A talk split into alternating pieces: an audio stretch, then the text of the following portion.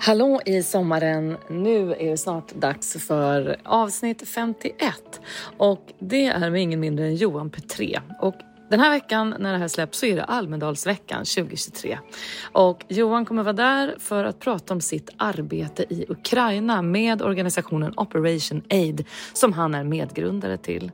Och kriget i Ukraina har ju överskuggat väldigt mycket i nyhetsflödet det senaste året och vi ska prata om just hur är det att gå från att vara en uppskattad eventarrangör som relateras för många till röda mattan till att sen faktiskt hugga i och kavla upp ärmarna på ett alldeles exemplar solidariskt sätt och själv åka ner flera gånger för att hjälpa invånare i Ukraina. Lyssna, välkomna! Rösten, den har alltid intresserat mig på olika plan. Rösten som instrument, kommunikationsredskap, möjlighet och skyldighet och demokratiskt verktyg. Alla har vi en röst på ett eller annat sätt. Men hur använder vi den? Det vill jag prata om. Jag heter Sanna Martin och är sångerska, skådespelerska, speaker, skribent och poddare. Välkommen till Din röst, en podd om rösten och dess makt. Din röst.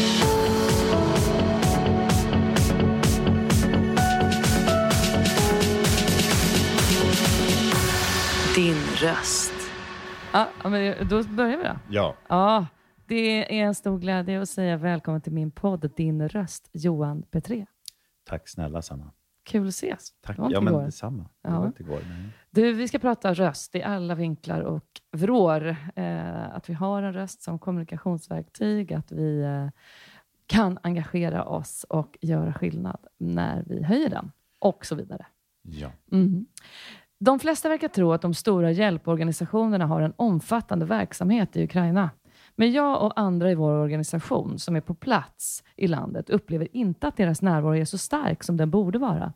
Trots alla pengar som samlas in så är det inte de stora organisationerna vi stöter på när vi är ute och möter människor i Ukraina. Det är volontärer och mindre organisationer som startat som gräsrotrörelser. Att medierna nu granskar de stora välgörenhetsorganisationernas arbete är inte bara bra, det är nödvändigt. Utdrag från en debattartikel du skrev i Expressen nu i februari 2023. Ja. Och vi ska komma och prata massor om Ukraina och ditt arbete Johan i den samband frågan. med årsdagen Mm, just det. det där. Ja, Men du, tycker du att det har varit komplicerat för dig att liksom höja din röst i frågan om värdet av individuella mindre insatser i en sån här jättestor kris? Nej, men jag är ju en, en lekman kan man säga. Jag har ju precis lärt mig det här yrket. Eh, Jag har jobbat med event i alla år och eh, det har ju varit väldigt svårt för mig att komma in i en ny bransch som jag inte kan någonting om. Jag tror samtidigt det kan vara bra för att eh, se saker som kanske inte har fungerat tidigare i olika sätt, Ja, i olika hänseenden. Eh, I det här fallet så såg vi eh, och har sett eh, cirka 70-80 volontärer har sett Ukraina under, under hela den här tiden. Och, eh, f- om man tittar på de pengarna som har skänkts eh, till stora organisationer så anser jag att de pengarna inte syns där borta. Eh, och Det tycker jag är anmärkningsvärt. Eh, sen så gör alla vad de kan, absolut. Eh, men eh, jag tycker att man ska verkligen få reda på mer vad faktiskt pengarna tar vägen. Ja, absolut. Det är bra att lyfta det. Och transparensen är jätteviktig. Ja, definitivt. Så Vi kommer det hoppas jag att vi återkomma. kan prata om idag. Det ska vi prata om. Vi kommer prata mycket om denna frågan och Mm. ditt engagemang i Ukraina-frågan, Ja. givetvis. Men först, eh, du föddes eh, 1981. Var växte du upp någonstans? Ja, jag växte dels upp i Stockholm, men också i Värmland. Så jag ser mig lite som en halv eh, stockholmare, halv värmlänning. Eh, älskar båda platser. Eh, tycker att båda platser har gett mig mycket intryck och mycket erfarenhet kring vem jag är idag. Hur var din skoltid? Jag bytte skola väldigt ofta, vilket kanske gjorde, också präglat den, eftersom eh, det var både Värmland och Stockholm, eh, men också en internatskola ungefär i sex månader. Eh, Men jag trivdes inte där och kände att det var bättre att komma till Stockholm. Så, då, så det har varit lite olika skolor under, under vägens gång. Och problemet med att byta skola så där, det är väl att det är lite olika läro... Eh, man missar en del. Eh, men det kanske också gjorde att eh, jag helt plötsligt blev en person som hade ett stort nätverk. Jag tänker Eh, och att det där... satte grunden för, för min framtid. Verkligen. Det där måste vi fråga mer om, tänker jag. För det, jag tror också att det kan vara en superkraft. Absolut, Mm. det tror jag. Men du, vad såg du dig själv arbeta med som, som ung kille? Ja, jag ville nog bli officer faktiskt. Eh, Men när jag eh, sökte till lumpen där vid eh, 18 års ålder, eller 17 års ålder, så då var det inte riks, liksom hett att bli officer, utan då var det ungefär som att eh, vad konstigt att du vill eh, göra lumpen. Och då kände jag bara att nej, då struntar jag i det. Nej, men så var det faktiskt. Flygplatsbrandman fick man bli om jag tog körkort och då hade jag inte körkort. Så det blev ingen lumpen för mig. Men jag gjorde eh, frivilliga eh, flygvapenungdom, jag gjorde FBU, jag segelflög. Så jag, jag ville nog kanske bli som min pappa, flygare, Nej. eventuellt. Okej. Men ehm, det blev inte så. Nej.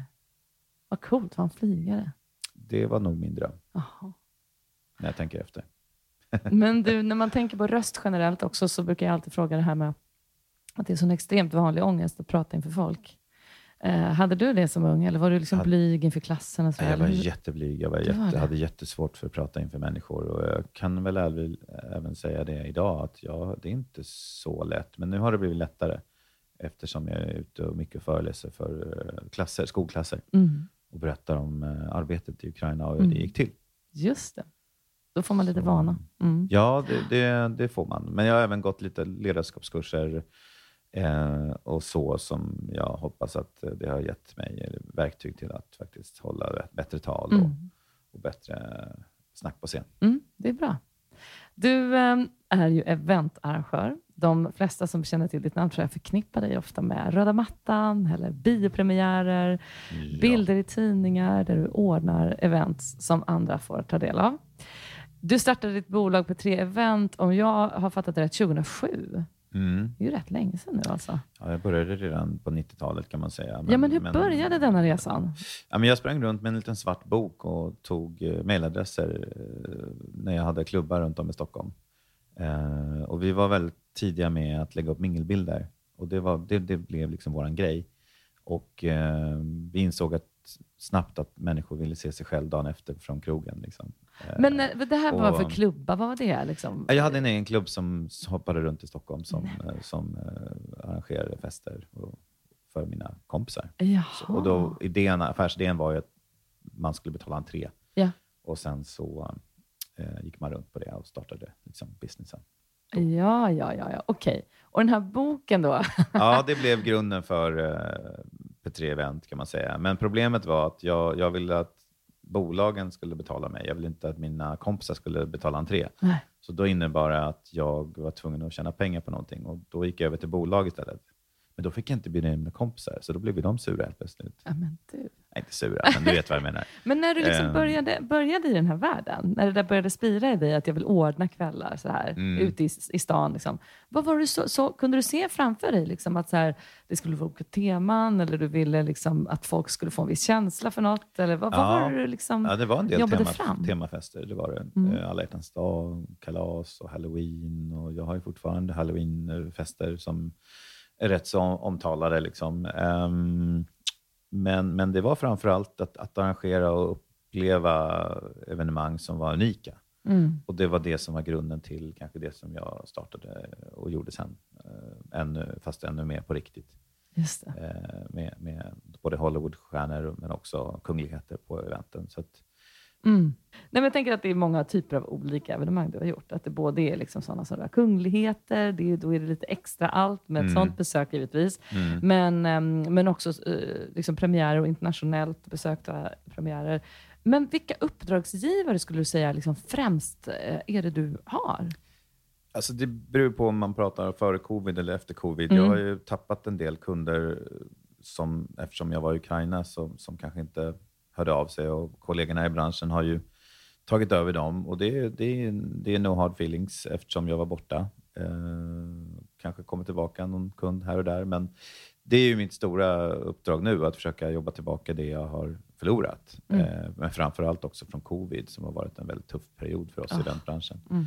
Så ehm, vi hjälper ju företag. eh, Nu är jag själv och, och har en egen låda med mig själv. Liksom. Så att jag tar väl det jag hinner med, men, Mm. men jag jobbar ju halvtid med Operation Aid och har gjort det ett tag. Eh, Så att, men Operation Aid tar ju egentligen heltid, så att det är rätt svårt att balansera mellan de här två eh, clown, eh, vad ska man säga, bollarna. Ja, jag kan tänka mig Eh, det. Så det är en utmaning. Mm. Men ehm, vi ska komma in på det alldeles snart, men jag tänker fortfarande på den här lilla boken du skaffade dig Mm. med alla mejladresser. Du har ju ett helt enormt nätverk. Och efter många år som eventmakare eh, så såklart lär du känna alla möjliga. Och dina event är ju verkligen blandade. Det är idrottsprofiler och politiker och kungligheter och artister och influerare och företagare. Det är verkligen brett spektra tycker jag. Hur har det här nätverket kommit till? Eh, Hårt arbete, eh, måste jag säga. Det, det, är, det är inte alla som förstår hur, hur mycket arbete man måste lägga ner på att skapa ett nätverk. Eh, sen när, när jag började jobba med att samla in pengar till Ukraina så visade det sig att det här nätverket var väldigt bra. Ett, jag, jag hade ingen aning om att det skulle vara så pass bra. Och, eh, det var häftigt att, att se hur man kunde använda sitt nätverk på ett sätt som jag aldrig trodde jag skulle göra. Nej, precis. Och man måste ju också vårda ett nätverk, tänker jag. Absolut. Hur tänker du kring det? Att liksom människor som du vill ska finnas kvar och, och som, som, vill, eh, som ska ha rätt bild av dig och relation till dig. Liksom. Hur gör man för att... Ja, men jag tror att det är, ja, men, men du vet när man är kompisar och man kanske inte hörs varje dag så måste man bara vara så här. Man kan inte vara bitter och vara så här, hör du, varför hör du inte av dig längre? Nu är jag sur på dig ungefär. Medan i, det här, vä- i den här världen så måste man bara, när man ses, har du, ja men tjena läget? Och, och liksom, no hard feelings på något håll.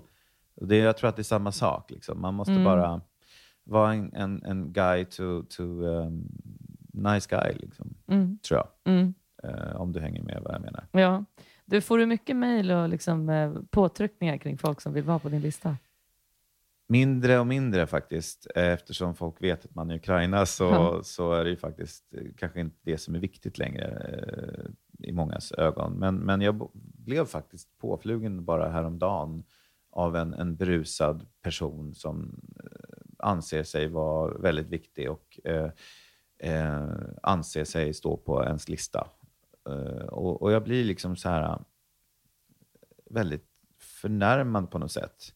Ungefär som att den här personen ska äga en. Liksom. Och, och det, det är någonting som jag tycker är jättejobbigt, speciellt nu efter man har varit i Ukraina och Mm. stått och, och jobbat på ett helt annat sätt när det gäller den här ytterligheten.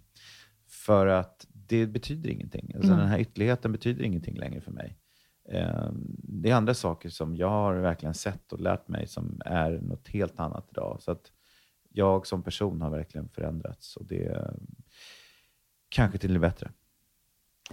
Du, när du bjuder in till dina evenemang, hur Mm. väljer du vilka som passar och välkomna till just en viss typ av evenemang? Byter du liksom vid olika tillfällen? Eller? Nej, men det, det är det som är så svårt och det är det som tar sån tid som inte folk kan riktigt eh, förstå tror jag. Man Nej. tror bara att det tar uh, knappen med fingret och sen är det klart. Men Ah. det, det är inte riktigt så. Till exempel nu jobbar jag med en, en premiär som handlar om ehm, eh, fotboll. Och, och målgruppen är kanske 14 till 18-åriga tjejer.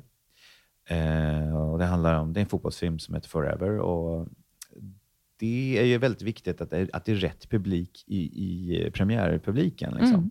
Och där så, till exempel har jag ett, eh, ett väldigt viktigt uppdrag att faktiskt ta reda på vilka vi ska bjuda in.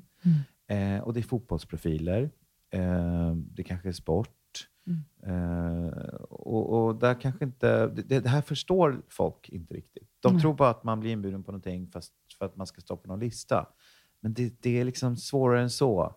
Det är eh, inte rocket science, men det är ändå lite rocket science. Mm, det är ändå liksom. finger, fingertoppskänsla, tänker jag, att du har. Att Ja. liksom det ska vara så här, just det. Och, och det är också viktigt för oss, våra, kollegor, att leverera till våra kunder någonting som de verkligen säger så här, det här var helt rätt på spiken. Ja, precis. Och den är viktig. Jätteviktigt, såklart. Ehm, Verkligen.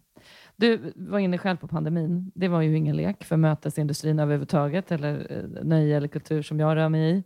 Eh, hur agerade du, liksom? Johan? Vad, vad hände för dig där i 2020?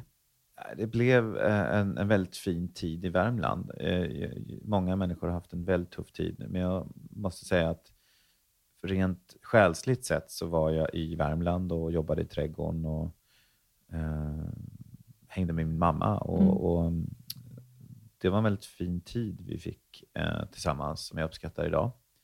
Ehm, och det tycker jag många människor ska ta sig när ens föräldrar börjar bli lite äldre och man känner att man behöver ta den här tiden med sina föräldrar. Den är viktig. Mm. Sen så um, träffade jag min kärlek också under den här tiden. Och, ehm, det var också väldigt speciellt då eh, vi var fast med varandra. Det fanns inget annat att göra. Liksom. Förstår du vad jag tänker? Och vi bara hängde ihop och bara blev, blev ihop Ja, på ett bra sätt. ja. Eh, och innan dess kanske jag hade bara sprungit runt och jonglerat eh, tidigare och kanske inte hittat det rätta, men nu har jag hittat henne. Så Mm. att, eh, det känns jättehärligt. Mm. Och jobbmässigt eh, så var det ju liksom på många sätt bara att gilla läget. Eller kunde du skapa liksom mindre evenemang och göra det på något sätt anpassat till det som rådde? det var ju... Vi hade en halloweenfest faktiskt då när det stängde ner gång två och det Mm. var ju jättekänsligt. Ah, För det var 200 personer som skulle gå på fest och, och den stängdes ner samma, samma timme. Och då åkte vi ut och det, det kunde ju lika gärna blivit negativ press.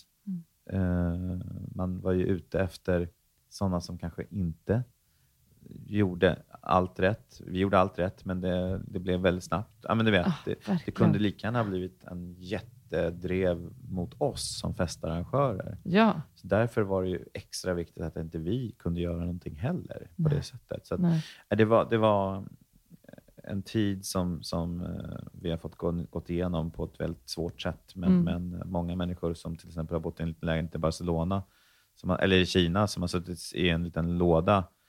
Alltså, det måste ju ha varit Mm. hemskt. Precis. Jag, jag har ändå varit i trädgården Ja, och, och kunnat gå liksom Mm. på ängen. Ja, men du vet, absolut. fixa med mina projekt. Mm. Jag har jättemånga projekt. Lite för många projekt Mm. faktiskt. Men, men ehm, det, det har varit jättebra Ja. på så sätt. Då. Men, men svårt också att veta när man skulle börja. Så att jag, så att jag fyllde 40 precis samma veva och då körde vi igång eh, för tidigt egentligen och satsade. Mm. Och då, så då så fjärde så här, nedstängningen, så då var det svårt. Då. När man förlorar 600 000 på dagen. Liksom, och Alltså, så det, bara, mm. Ja, kört. Men, och och då, och fick då hade jag du precis s- anställt en person. Aha. Alltså Som- du hade anställda liksom? Ja, jag anställde person då, den, den hösten, för Ah. jag tänkte att nu kör vi igen. Mm, Och sen dess har jag inte vågat komma tillbaka och sen kom kriget. just det, precis. Vi har ju stått ihop någon gång då och då på något evenemang, Mm. som bland annat som du har arrangerat själv. Och mitt intryck av dig har ju alltid varit att du går in helhjärtat för det du skapar. Och på senare tid så har det ju liksom kommit en ny bild, åtminstone för mig, eh, där du har visat ett otroligt engagemang och verkligen handfast visat att du, att du är en doer av stora mått. Har du alltid haft den sidan Johan i din person, att du liksom en, ja, verkligen tar tag i det du får gjort? Alltså, senaste tiden har jag varit, varit väldigt splittrad tyvärr och, och det är jobbigt att säga det, men däremot så har det skett saker på många fronter. Mm. Eh, och det är kanske det som har varit modellen i Ukraina. Jag ser det här nästan som att jag har varit med om ett, ett missförstå mig rätt, ett event i ett år och fyra månader. Ja. Eh, Det är inte ett event, det vet jag, men jag tog det så personligt när det hände och tog mig ner och startade en rörelse. En rörelse som nu eh, har blivit en stor aktör faktiskt. Mm. 24 februari 2022 så Mm. invaderade ju Ryssland Ukraina och du har verkligen höjt din röst ordentligt när kriget bröt ut. Och det tog inte många dagar innan du verkligen agerade. Nej. Och jag minns den här eftermiddagen, det väl, det tror jag många gör. Det var som att stan var lamslagen och, och många var djupt berörda. Mm. Men för många stannar det ju där, att vi liksom känner och tänker och följer och kanske swishar lite. Mm. Men vad var det som hände med dig, Johan? För du, du, som du gjorde att du liksom bara bestämde dig för att du skulle agera. Nej, men jag, jag vill inte vara kaxig och säga att mitt nätverk är stort så, för det kanske inte är. Det är kanske större än många andras, men det var viktigt för mig att, att starta den här bussen och då drog jag in till en privat insamling först eh, som jag var väldigt mån om att berätta. Vad, vad, vad har pengarna gått till? Mm. Och, och det finns ju uppställningar för det där och alla kvitton finns. Och, när vi var i Warszawa i två veckor så, så insåg vi att vi har hjälpt väldigt många människor vidare till Sverige. Och framförallt djur också. Mm. Eh, Hundar som inte togs emot av flygbolag. och du Nej. vet, Nu har ju med fast i hand så var det ju relativt lite folk som tog sig till Sverige. Eh, De flesta har ju tagit sig till Tyskland och andra länder. Och det var också folk som sa liksom, Nej, men vi vill inte åka till ett icke-NATO-land för att det vågar vi inte. Ah, intressant. Eh, Så det, Mm. var, det var också en, en viktig del i det här. Eh, Sen vet inte jag varför bara vad var det, 55 000 som har tagit sig till Sverige till slut. Men 2 500 ungefär Ja. ska vi ha finansierat då, med tack av eh, svenska donationer. Mm. Eh, och sen så startade Oper- Operation Aid som då blev, och jag tyckte det var så skönt den dagen när jag slapp med, med en privat insamling för att du vet hur det är. Nu tror de att eh, han tjänar pengar och Ja. Jag ska liksom sko mig och sådär. Men du vet, jag gick ju back på den här insamlingen till slut ändå. så Ja, att- för man pytsar in. Men du, jag måste backa bandet ändå Ja. till liksom när, vad som hände med dig bara körde. där. Mm. Att du liksom så här, vad var, den här natten eller dagen när det här hände, hur liksom kom din tanke så snabbt till att jag ska hyra en buss eller jag ska göra något? Jag var på landet och så, så jag måste göra någonting. Jag kan inte sitta här. Det går inte. Och eh, sen kom jag till Stockholm dagen efter och så var jag hemma hos min tjej och jag kunde inte sova och så satt jag klockan kvart över två på natten och så skrev jag till min kompis Johan som har en buss. Vad kostar det att hyra en buss ner på, on, på torsdag? Jag tror han sa 75 000. Okej, vi kör. Och då hade jag inte så mycket pengar faktiskt eftersom det hade varit covid och, och sådär. Mm. Ärligt sagt så var det en tuff tid. Mm. Men jag, jag kastade mig ut och chansade. Kunde lika gärna gått back, liksom, massa tusenlappar. Ja. Men så gick jag ut i mitt nätverk och sa att eh, jag kommer göra det här, är någon som vill stötta? Och då var det faktiskt en kompis som sa så här, jag, jag hjälper till med 50 000 direkt. Liksom. Eh, Christer, en vän. Mm. Och ni hyrde en buss som åkte ner då bara ett par dagar efter kriget hade brutit ut. Ja, vi var nere 3 mars vid gränsen. I otroligt. Och då var du med Då var jag med. Mm. Min första...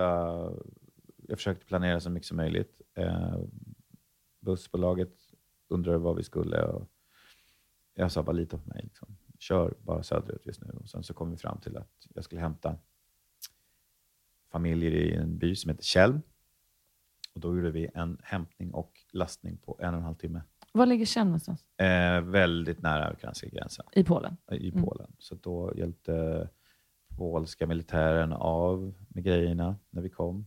Och då hade ni med en massa förnödenheter och mat? Och... Då, det var det som var idén. Vi Mm. hade med förnödenheter ner och så tog vi hem familjer. Mm. Och sen när de kom till, till, tillbaka så var det familjer då som tog emot. Ja, jag minns det som igår och det, det var starten på, på allting egentligen. Jag berättade för alla som satt i bussen och gav dem en kontaktperson. Eh, så att de kände att de var trygga.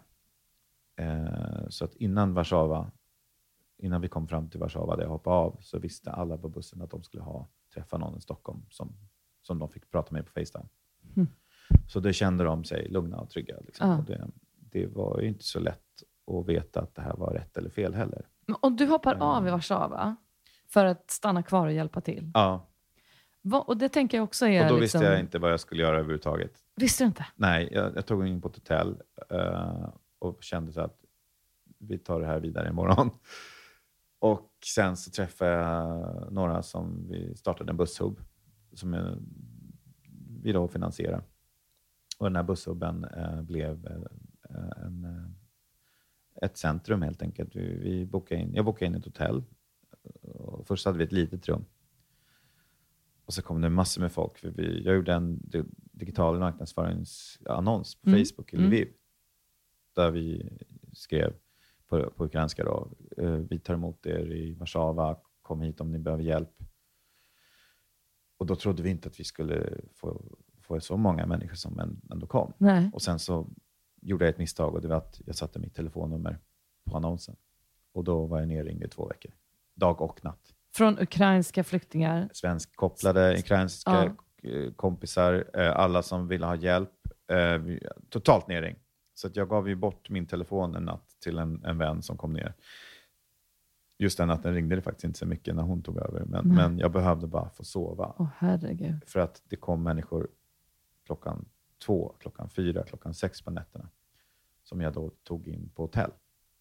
Och det finansierade du återigen via donationer Alla från ditt donationer nätverk? från ni som sitter där ute och lyssnar. Ja, Ja. Just det, precis. Och detta ungefär, blev ju eh, verkligen en- delat mycket. Jag minns att liksom, det var ju verkligen så att det hände så mycket och man följde det på Instagram och man tänkte, herregud, vad har du fått allt därifrån? Ja, det är Vad galet. gör ni? Ja. Och just hur orkar ni? Det var många, många frågor. Och jag tänker också på att det, måste, det gick ju så fort allting. Du sa att eh, ni var nere, en vecka efter kriget hade brutit ut var ni på plats i Polen. Mm. Och då hade du både med dig liksom, sånt som behövdes där nere och sen tog du tillbaka människor då Mm. till Sverige som Mm. kunde få ett lugn här. Mm. Eh, men under den här tiden, liksom, vad hände med dig? Alltså två veckor sa du att du var i Warszawa. Ja, men, Det måste ha varit som en våg bara. Ja, Alla jag- jag- intryck. jag, hade ju, jag reste ju väldigt lätt. Jag hade ju inte ens en tandborste med mig tror jag. Ehm, så jag köpte ju grejerna där nere och insåg att nu har jag gått i de här kläderna i två veckor. Liksom. Eh, men jag kände bara att om de här människorna som inte heller har någonting, då får jag också ställa upp. Liksom. Eh, men det var, det var väldigt omvälvande, plus att jag insåg också att ehm, jag ville ta mig dit de fattiga var. De fattiga människorna som kom från kriget. I Warszawa kunde de människorna ta sig som kanske hade lite mer pengar på kontot. Och då kände jag bara att jag vill ta mig till gränsen. Okay.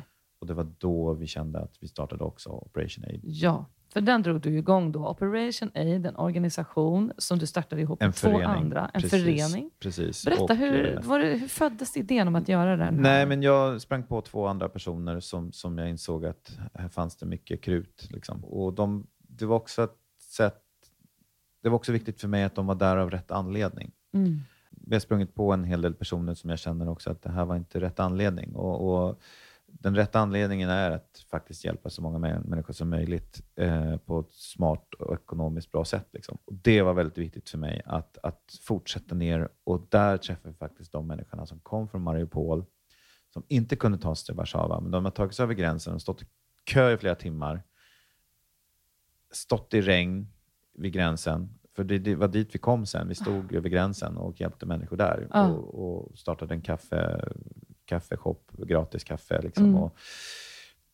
satt upp tält. Vi var de som faktiskt gjorde så att en annan stor organisation satte upp stora tält vid gränsen, för innan så stod de under bar himmel med alltså flera kilometer kö. Jag kan inte föreställa Och mig. vi insåg att var är alla människor som faktiskt ska vara här och bestämma Mm. och se till att det här funkar? Mm. För det här funkar inte. Eh, och, och det insåg jag sen också att vi tar oss längre in och vi har ju tagit oss ända fram till fronten. Mm. Och nu hjälper vi människor som har skadat sig, både civilt och, och även supportar eh, sjukvården som, som befinner sig där eh, människor skadas på riktigt. Så Operation Aid, om jag förstår det rätt, föddes redan där i mars-april 2022. Ja, alltså det kan man väl säga att det gjorde. Jag kommer ihåg att jag satte eh, vår eh, skylt här eh, på kontoret eh, den eh, 16 mars. Ja, det är tidigt alltså. Och innan vi ens går vidare så, så ska vi säga till eh, de som i alla fall har lyssnat så här långt att man givetvis kan gå in och stötta Operation Aids arbete genom att swisha till 123 139 3701.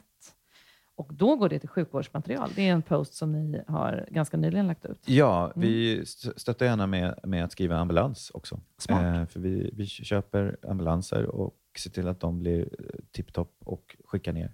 Otroligt. Vi ska Ehm. lägga upp nummer och allt i text också eh, när det här avsnittet går ut. Men ehm, det är lätt att man säger det här i slutet och då kanske någon har stängt av. Mm, Alltså, jag precis, tänker då kanske vi har tappat alla, alla som lyssnar. Nej, men precis så är det. sitter här och... Ja. Verkligen. Men alltså, eh, ja, att åka till en gränszon i ett krig, alltså, jag kan, det är så otroligt främmande för många. Jag kan inte ens föreställa mig vad man ser och vilka möten man faktiskt är med om. Mm. Men, och jag tänker, det, det är knappt ens en vettig fråga att ställa. Liksom, vad har du varit med om och vad har du sett? Men vad skulle du vilja berätta om som har satt sig i dig? Eh, Att liksom folk ska veta om?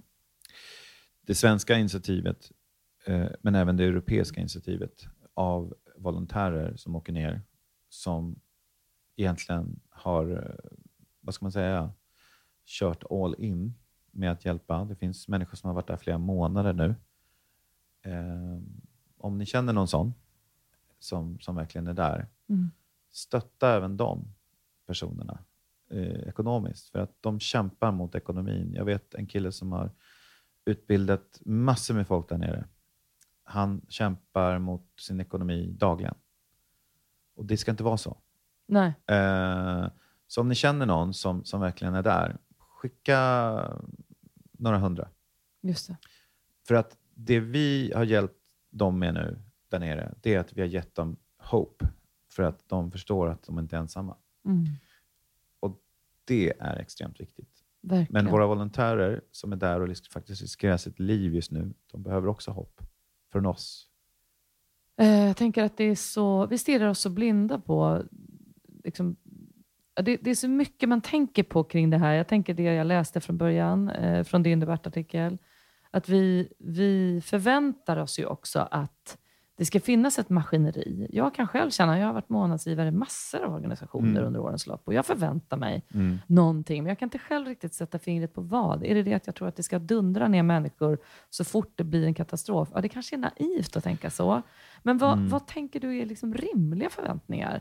När vi pratar liksom UNHCR, Rädda Barnen, Röda Korset, eh, liksom, ah, både nya, större och mindre Vi, organisationer. vi intervjuade 300 kvinnor som kom från Mariupol den, i det skedet på deras språk och frågade vad har, de sett någon hjälp? Har de fått någon hjälp? För det fick vi höra att de var i landet allihopa. Mhm.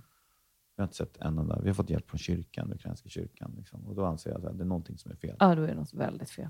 Och då är det ju inte bara svenska givare till de här organisationerna, utan då vet man att de finns i alla länder. Yes. Och det finns alltså någon form av bugg i systemet, tänker jag direkt, eh, från liksom Men organisationens sida. Grejen är att jag har ingenting att förlora på att säga det här. Så därför säger jag det. Jag, jag måste säga att det, det är bara att titta på också den nya regeringens sätt att prata. De Mm. vill ju också förändra. De menar på att det här är föråldrat. Såg i Agenda igår att Johan Forsell pratade om att det här måste göras om och vi måste bli eff- effektiva. Och jag håller med, det måste bli mer effektivt. Ja, det är någon form av Mm. byråkrati, liksom störning då, eh, om jag läser det rätt utifrån vad du ser också, att Ja. man inte når fram. Ja, Så att om jag sätter in en peng till någon stor organisation här i Sverige så vill jag veta vart den hamnar. Ja, det är klart att man inte kan kanske följa den hela vägen. Men du vill ju ändå att den organisationen ska vara kapabel ja. att ta sina pengar och sina volontärer till Ja, rätt och där, plats. där tror jag också att vi har varit väldigt transparenta med vad vi har gjort varje dag, varje vecka. Ja, det har ni att- verkligen varit. Med att vi har lagt ut bilder på människor som faktiskt får hjälp. Och det tycker jag att de stora ska ta efter. Mm. Jag tycker de ska, Just synligheten och kommunikationen, ja, du? istället Ja. för att betala Orlando Bloom, vad de nu gör, sitta där på något hem i, någonstans, så, så tycker jag att de ska ut på fältet. Bra. Och jag tänker... Och det kanske de är, men då måste de visa det mer. Ja, precis. Så att vi fattar Mm. också. För det, jag tänker, hela min idé med att göra den här podden är ju liksom till viss del att, att skapa begriplighet i svåra frågor. Mm. Och om det då är så att det sitter hjälporganisationer här ute som arbetar och har massa anställda och massa kunniga människor, Mm. då är det ju någonting de har missat. Mm. Att vi inte fattar hur de jobbar Mm. eller hur de vill jobba. Mm. Så att det är faktiskt ett ansvar att ta, det kommunikativa ansvaret. Men det här med dig liksom som person. Vi pratade innan om din karriär inom evenemang och eh, att det är mycket offentliga personer i ditt nätverk. Och att det såklart är mycket flärd och yta kring en del av de tillfällena du har liksom arbetat med under årens lopp. Att dyka in i det här och som du själv har varit inne på, att det har förändrat dig i grunden. Liksom vad, vad har det gjort med dig att faktiskt kunna vara med och skapa skillnad och, och kunna agera? Ja, det är väldigt svårt för mig att stå på det sättet som jag gjorde innan med, med, med att vara social på det sättet som jag kanske var innan. Där har jag förändrats och jag tycker liksom inte att det är viktigt längre. Men jag älskar fortfarande event och jag älskar fortfarande att hjälpa människor med att göra deras event och skapa deras upplevelser. Och, Mm. Men eh, det är klart att man har förändrats på massa olika sätt. Jag hoppas till det bättre, som jag sa innan. Mm. Att, att det, det, Det där är också en svår fråga, tänker jag. Eh, jag har också haft upplevelser i livet som har förändrat mig, eller hur man nu ser det, utvecklat mig eller eh, dragit mig åt ett visst håll, vilket gör Mm. att man, eh, där, där eh, sållas ju agnarna från vetet, så att säga, också Mm. socialt. Att vissa människor kanske du inte orkar med. Eh, och vissa kanske Nej. tycker att du har blivit, vad ska jag säga då, tråkig inom citationstecken, säger vi då, om vi vill vara elaka. Ja. Har du varit med om det Johan, liksom rent socialt, att du känner så här, nej jag kan inte gå den här vägen nu, eller jag kan inte ta in den här personen nu, för att den fattar Ja, inte. eller? det, det händer nu. Mm. Absolut. Mm. Senaste dag, det, var ju så. Att, att det, jag kan inte vara kvar, stå Nej. här längre. Och de- den paniken har jag inte riktigt känt tidigare. Nej. På det sättet.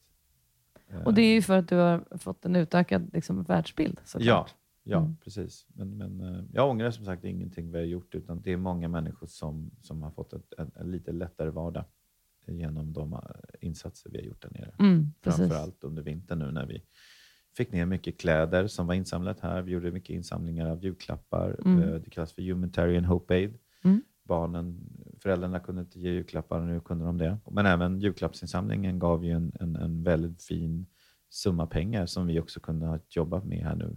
Och nu sätter vi igång även Operation Aid-stiftelsen som, som kommer bli eh, ett, ett, ett bra verktyg för oss att faktiskt kunna göra det här eh, ännu bättre. Mm, just det. Och när vi kollar på liksom, ert arbete i Operation Aid, Mm. Hur väljer ni vad ni liksom ska pinpointa? Du nämnde nu för jul gjorde ni det här. Nu Mm. läste jag nyss att ni jobbar med sjukvård och sjukvårdstransporter, Mm. ambulanser. Går ni in liksom och pinpointar, nu är det det här som är störst behov? Hur tittar Vi ni på ja, detta? vi tittar verkligen. Vi är lyhörda, vilket man ska vara. Eh, vad händer just nu? Mm. Eh, vad behövs det just nu? Det var ju en vinter här nu och vi visste inte hur den skulle se ut. Den blev ju relativt mild ändå, men den kan ju vara väldigt kall. Så att vi eh, fick ut eh, kaminer som vi har levererat ungefär, jag tror att det är runt tusen stycken, som har levererats hem till folk som inte har haft el, som inte har haft gas, som har kunnat göra mat på en kamin. Så det har varit väldigt viktigt. Men även eh, kläder, vi har haft klädinsamlingar, medicininsamlingar, vi har haft eh, dagen efter-pillerinsamling som det kom hur mycket som helst Det där kan jag knappt ta in, för det är så stort. Allt Eh, är i ett krig. det var i början på perioden i våras där Ellie, som är medgrundare med Operation Aid, som gick ut. Hon är läkare och hon fick en otrolig respons på det. Så att post, postgubben här ute undrade vad som pågick liksom, till, till våran dörr. Eh, vi fick så mycket dagen efter paket så att det var helt sjukt som gick ner. Så att, ja, det, vi försöker, åter till din fråga, vi försöker identifiera vad som är viktigt just idag. Mm. Och den är viktig. Mm. Men också hitta en röd tråd och inte vara för hattig. Liksom. Just för att det, det, är också ja. viktigt. Också mot våra fina volontärer, liksom, att de vet vad de ska göra. Men, men det är inte lätt det här. Det är svårt. Ah. Eh, Det är det. Och takprojektet som vi har gjort, eh, där vi har byggt eh, många tak i en stad som heter Oachiv i södra Ukraina som drabbades av en stor detonation i hamnen där det var 1200 tak som flög av.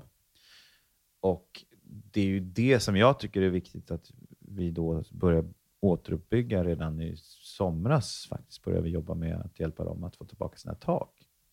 För annars om det regnar så regnar det in och då får vi mögel och då får vi ännu större problem. Så där var vi väldigt snabba tillsammans med SSAB faktiskt som, Wow. som eh, trodde på oss och gick in och sa att vi ställde upp med 9000 kvadratmeter tak. Vad ska ni göra? Och så åkte vi dit och så har vi en man, Martin, som, som har varit ansvarig för att bygga de här husen. Så då har det varit flerfamiljshus och det har bott 16 familjer i varje hus som då har fått tak rätt snabbt. Det Så är ju så konkret när du beskriver det här. Det är väldigt konkret. Och jag det, det här att, är ju eh, en enorm bedrift, att ens kunna sätta ord på, ja det flög av tak, det var en detonation och vi fick hjälp genom ett bolag. Alltså, nu ser folk det här framför sig. Precis. Så att, Och dessutom har vi satt ett plåttak på och inte de här etenittaken som de hade innan. För du vet att ett eternittak är ju kanske inte så jättemiljövänligt heller, heller inte så bra för människor att andas in. Men så har vi också hjälpt de arbetarna med, med utrustning så att de har fått ett lite bättre utrustning när de har jobbat med de här taken. men alltså av allt ni har gjort, hur mycket har ni samlat in Johan? Vet du? Eh, alltså, om du tittar på värden så är det ungefär 15 miljoner i värden och sen är det faktiskt 15 miljoner pengar också utan 90-konto. Och det är jag stolt över idag. Ja, det är en, en enorm bedrift som har gjort enorm skillnad. Ja, och eh, i dagens läge så har vi kvar ungefär 2 miljoner. Mm. Men donationerna går ner. Mm. Och med den nya stiftelsen så hoppas vi också på hjälp från flera andra håll som kanske vågar då plötsligt ta, hjälpa oss med större medel. Just det. Så om du jämför med de stora organisationerna så är 15 miljoner plus 15 miljoner inte så mycket pengar. Men vi har gjort extremt mycket. Ja, och på så kort tid, Ja. tänker jag. 10 000 matlådor Mm. har hjälpt 10 000 familjer i en vecka. Otroligt. Eh, och de 100 byarna som har stöttats runt om Kharkiv, Mykolaiv och eh, eh, Dnipro har fått hjälp. Men du kan så mycket om Ukraina nu känner jag. Eh, kunde du det innan? Alltså, så här, kunde du landet? Hade du varit där? Nej, Nej, det, det kunde jag inte. Jag var i Kiev på fotbolls-EM och det var en sån här kul festresa. Ah, ja, ja. okej. Eh, Det var det. Men nu har du liksom Mm. lärt dig geografin, vilka delar Ja. som är utsatta just Mm, nu och ja. mest och har Var varit. fronten är absolut. Och lärt känna människor förstår jag. Ja, alltså, några av våra viktigaste volontärer är ukrainare och Mm. vi stöttar ju dem. Och det, Mm. det är så jag tycker man ska göra. Stötta de människorna man springer på på vägen som faktiskt gör sitt jobb, men också man kan lita på till 100 procent. Jag vill inte säga att vi har minglat oss fram, men jag har tagit mitt mingel liksom, Skills. skills till att lära känna rätt människor i Ukraina som sen då gör att vi gör rätt. Och, men också ha koll på att det finns fula fiskar som vill komma åt pengar som vi har fått in. Så det, det är väldigt svårt Mm. och vi försöker göra så gott vi kan hela tiden. Mm. Är det svårt att få tag på volontärer? Vi har fått väldigt många volontärer som har skrivit till oss. Eh, och jag tror att vi är uppåt 80 volontärer som har varit nere och alla de volontärerna är riktigt, riktiga svenska hjältar. Eh, även haft eh, eh, kanadensare, fransmän, engelsmän, eh, amerikaner. Det startade faktiskt en, en amerikansk eh, förening när de såg vad vi gjorde, bara för att de insåg att vi vill göra samma sak i USA. Wow. Eh, nu tror jag inte att de är så aktiva längre, men, men det är ändå häftigt att se liksom, att vi har skapat en hel del eh, vågor efter oss. Otroligt. Och ni måste ju som sagt varit några som var ganska tidiga på bollen om jag förstår det rätt. Absolut, vi var väldigt Så tidiga. Mm. att då har ni ju men gått i framför allt bräschen. att vi har hållit i. Ja.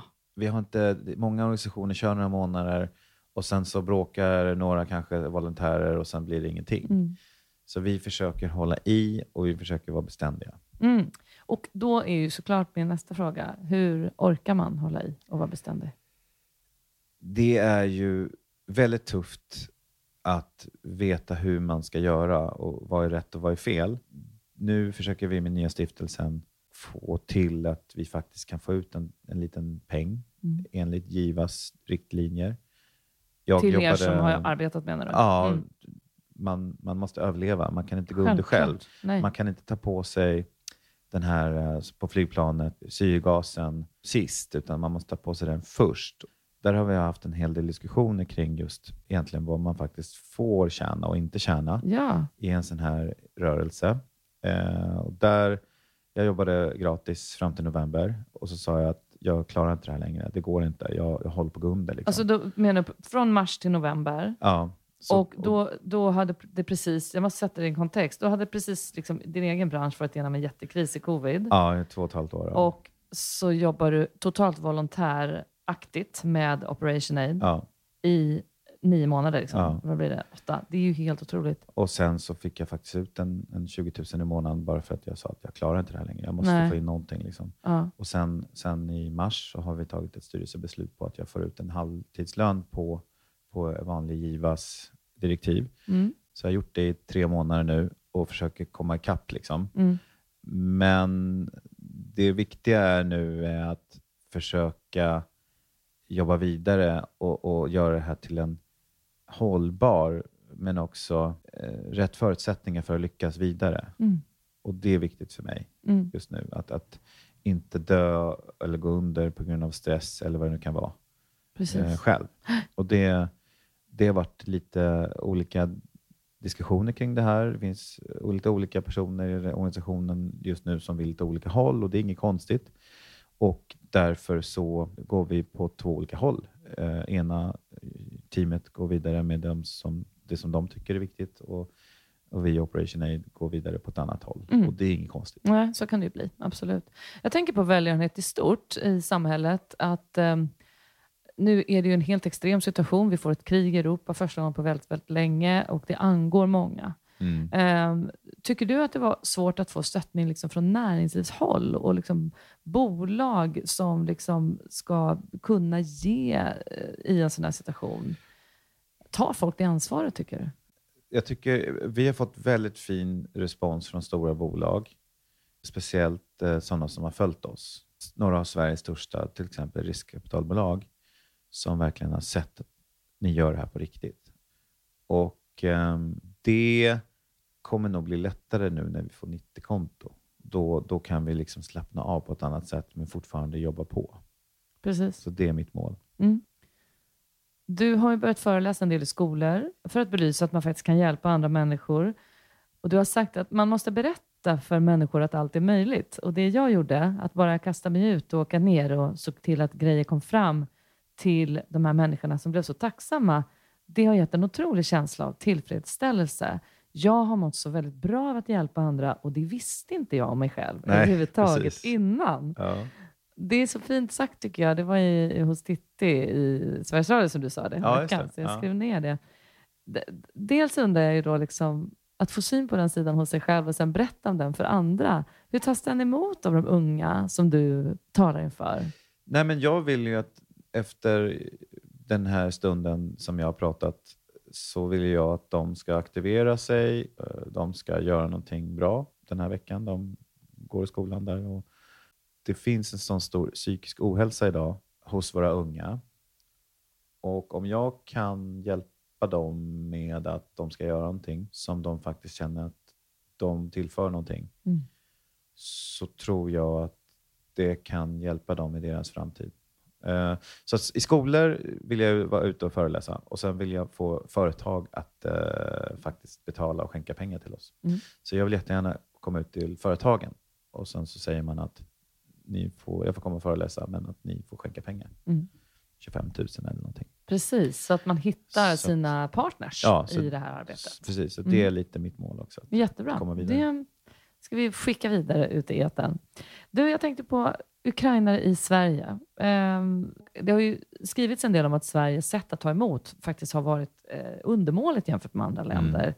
Ehm, Och jag vet inte hur det ser ut kring det här, men vad vet du och hur, hur ser det ut för människor som har kommit hit nu Ja, utifrån men- ditt perspektiv? Migrationsverket hade, hade, fick ju vi kontakt med, eller hade vi kontakt med redan i Warszawa-tiden och fick höra en massa saker och sådär. Och Det var ju problem med familjer som hade djur. De tog inte emot eh, familjer som hade djur och det innebär att vi var tvungna att hitta familjer som kunde ta emot familjer som hade djur. Ja.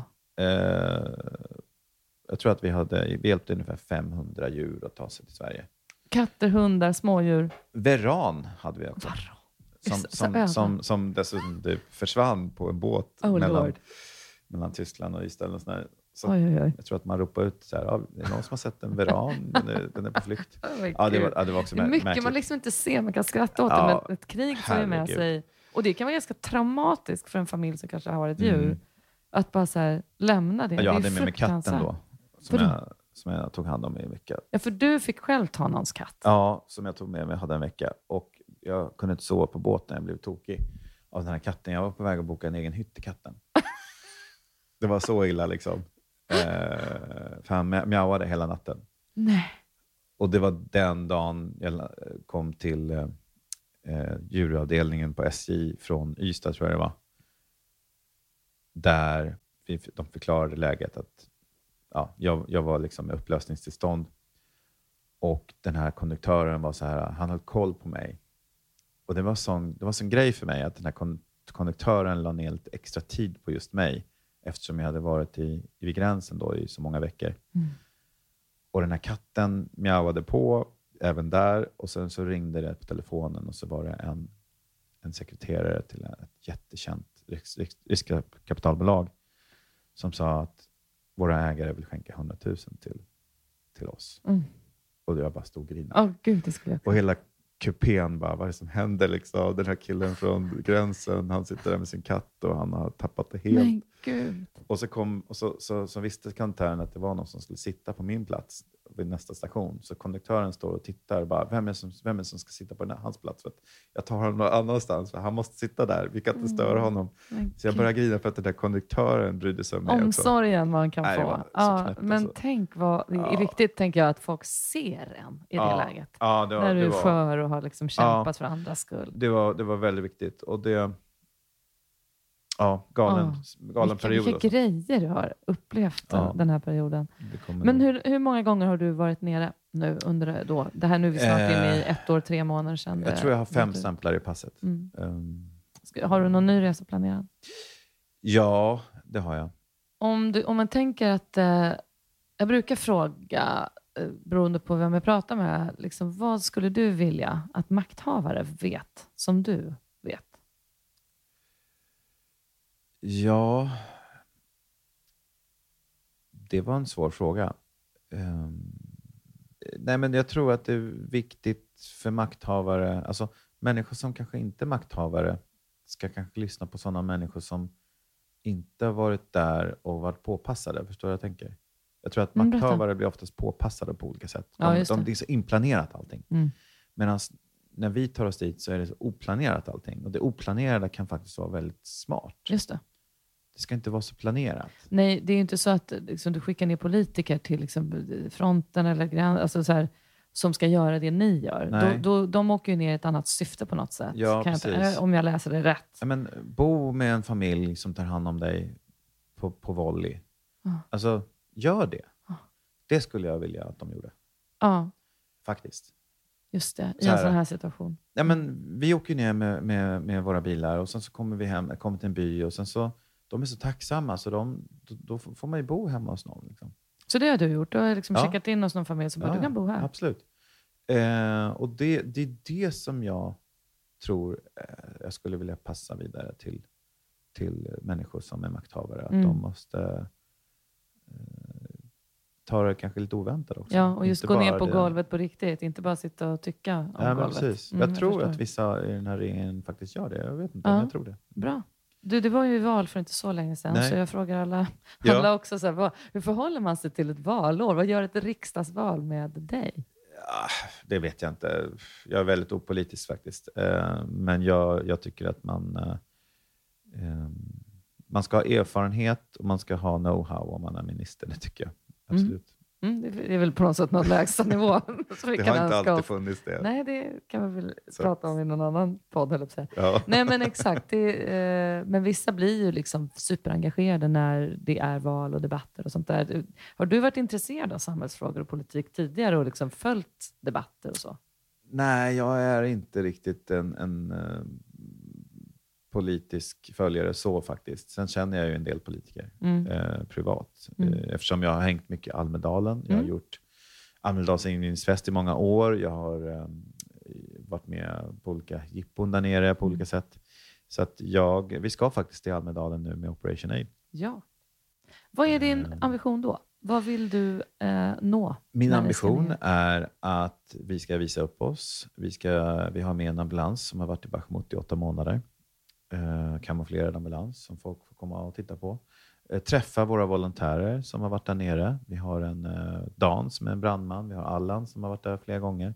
Vi har Martin som har gjort takprojektet i Mykolaiv. Och vi har två av våra finaste ukrainska volontärer som tar sig hit på grund av detta. Åh. Så att vi kommer vara med i paneler, vi kommer vara med på amerikanska ambassadens eh, event eh, med ukrainska ambassadören. Eh, vi, vi kommer att vara med på väldigt mycket.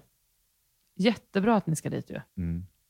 Du, eh, bortsett från det du är engagerad i, alltså den här stora frågan och Operation Aid, vad, vad för samhällsfrågor och, och funderingar går du runt med om dagarna?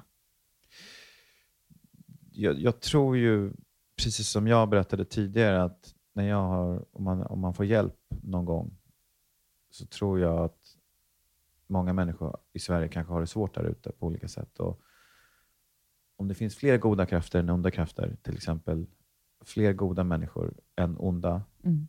så kan det onda inte överleva. Och om de goda människorna hjälper ungdomar, och det är ungefär därför jag är ute och föreläser en del. Att, att om vi får dem att hjälpa varandra till ett bättre sätt så tror jag att det blir bättre. Oh ja, det sprider sig. Eh, och det, det tror jag blir eh, viktigt för mig och mitt legacy. Liksom, att Mm. faktiskt berätta vad som har hänt, vad som har, vad som har gjorts, hur vi gjorde det. Och att vi har fått fram väldigt mycket bra eh, förnödenheter. Ser du det liksom som att det, det var något helt nytt som tog vid när den här delen av dig började arbeta där i mars 2022? Att du liksom inte kan backa till det gamla livet med att endast så att säga, jobba med ditt eget bolag och dina evenemang. Är det liksom omöjligt att, så att säga, se? Alltså, jag har ju hela, tiden, hela mitt liv nästan gått på saker som jag tycker är roligt. Det är Mm. väldigt viktigt för mig att det ska vara kul med någonting. Jag kan inte gå till ett jobb och känna att åh, det här suger. Nej. Och jag, då känner jag att... Men det, det sjuka är att jag kände helt plötsligt att jag gillade det mer att skicka ner fyra lastbilar med vatten Mm. Som kom fram till Mykolajev än att vinna en kund med en sommarfest. Och det måste jag bearbeta. Mm. Och det är det som är mitt Det, stora det är det problem som har hänt nu, med liksom. dig. Ja, precis. Så att, så att det, det är svårigheten just nu, att, att, att eh, Mm. Få ihop de där få bitarna. ihop de här bitarna. Ja. Men samtidigt ge mina kunder all, all fokus på dem jag har. Mm. Liksom. Ehm, nu har jag faktiskt fyra, fem event inbokat, jättekul. Jätteroligt. Ja. Jag, Och vi behöver jag, ju allt. Vi behöver både det, det, det där vi är, är behövda av andra, men vi behöver eh, liksom också göra någonting där vi får tillbaka mycket Ja. eh, till oss själva givetvis. Mm. Men du nämnde ju Värmland och jag, eh, följer man dig så ser man ju eh, att du skriver om Sölje herrgård. ja. Eh, en plats som ligger varmt om hjärtat, där du har lite projekt och så vidare. Berätta, vad är det här för plats? Ah, paradiset. Eh, När jag åkte därifrån nu så bara så här, varför åker jag härifrån? Ja. ens, Liksom. Det är, eh, just nu blommar allting. Vi har alla våra nya äppelträd har verkligen kommit till fart. Eh, vi har höns, vi har påfåglar. Nu var vi med om lite olycka häromdagen. Då. Eh, lodjuret var framme. Ah, Så att hälften av hönsen är borta. Eh, och så fick vi en ny påfågeltjej. Och sen så håller vi på med påfågelägg just nu som har klarat sig. Då. Så vi har lagt in dem i en sån här ja, men du vet, äggkläckningsmaskin. Så vi hoppas på att vi kan rädda dem. Eh, och sen håller jag på med mina träbåtar. Jag har träbåtskurser. Eh, jag älskar träbåtshantverk. Jag tycker att det är för jävligt att vi slänger och bränner upp våra träbåtar just nu som händer i Sverige. Eh, det kommer ju folk utifrån Europa nu och handlar träbåtar i Sverige eftersom det är så billigt. nej men, Ja, men det är så. det här Det visste är, inte jag. ja, det är en katastrof. Många träbåtar bara försvinner just nu. Ehm, så jag försöker göra träbåtskurser man lär sig träbåtshantverk. Och sen så håller jag på med, vi har ett café där också. Vi har, ehm, Du ehm, och... ja, min syster driver det egentligen, men syster, jag stöttar okej. liksom. Men är det här en gammal släktgård? Ja, vi har haft det sedan 71. Ah, Eh, wow. och sen är det jättemycket jobb i trädgården och jag vill att det ska bli Värmlands finaste trädgård igen. Gud vad roligt och mycket du har för dig. Verkligen. Ja, Så, lite lite spretigt mycket alltså, projekt. men, det är väl eh, härligt. ja. Det blir aldrig tråkigt. Eller hur? Och jag tror att jag inte har ADHD, men jag kanske har det. Jag vet inte. Alltså det, Tänker du mycket på det? Om det, Man är, har ju någon kombination när man har lite för mycket grejer, absolut. det är så himla mycket som poppar upp i huvudet när vi pratar om det här. Och nu eh, tog vi en paus för en sekund sedan, så då ringde på dörren. Då kom dina två ukrainska kompisar till dig. Ja, det, det här är också lite intressant. Vi, en, kund, eller vad säga, en, en kompis till mig som skänkte pengar tidigt, han, han ringde mig och sa så här, jag, jag vill stötta ukrainsk eh, business. Så jag, jag, jag vill köpa sten från Ukraina.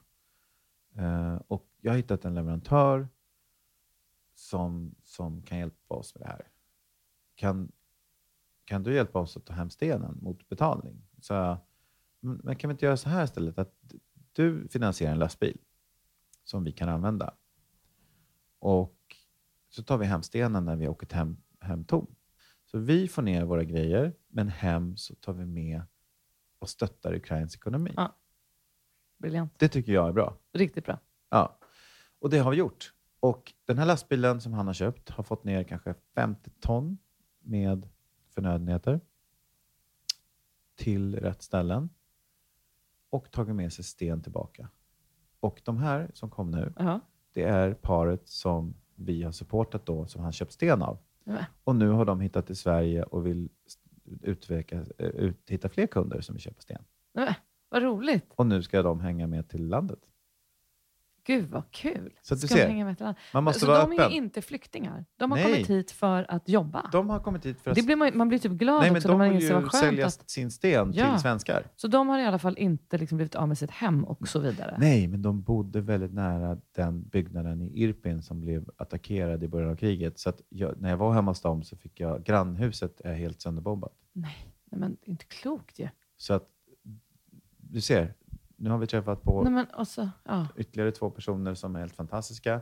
Vi har stöttat dem i deras ekonomi. ja. Vi får ner förnödenhet och tar hem sten Mm. som eh, den här personen Mm. bekostar Just på väg Som tillbaka. folk vill ha här i Sverige. Men dessutom har, vi få, har han löst en lastbil som har hjälpt alltså, kanske flera tusen människor. ja, det är, Det är ju, det är ju effektivt. mycket effektivt. Och det är win-win. Win-win. Så det är jag extra glad för Ja, att, att.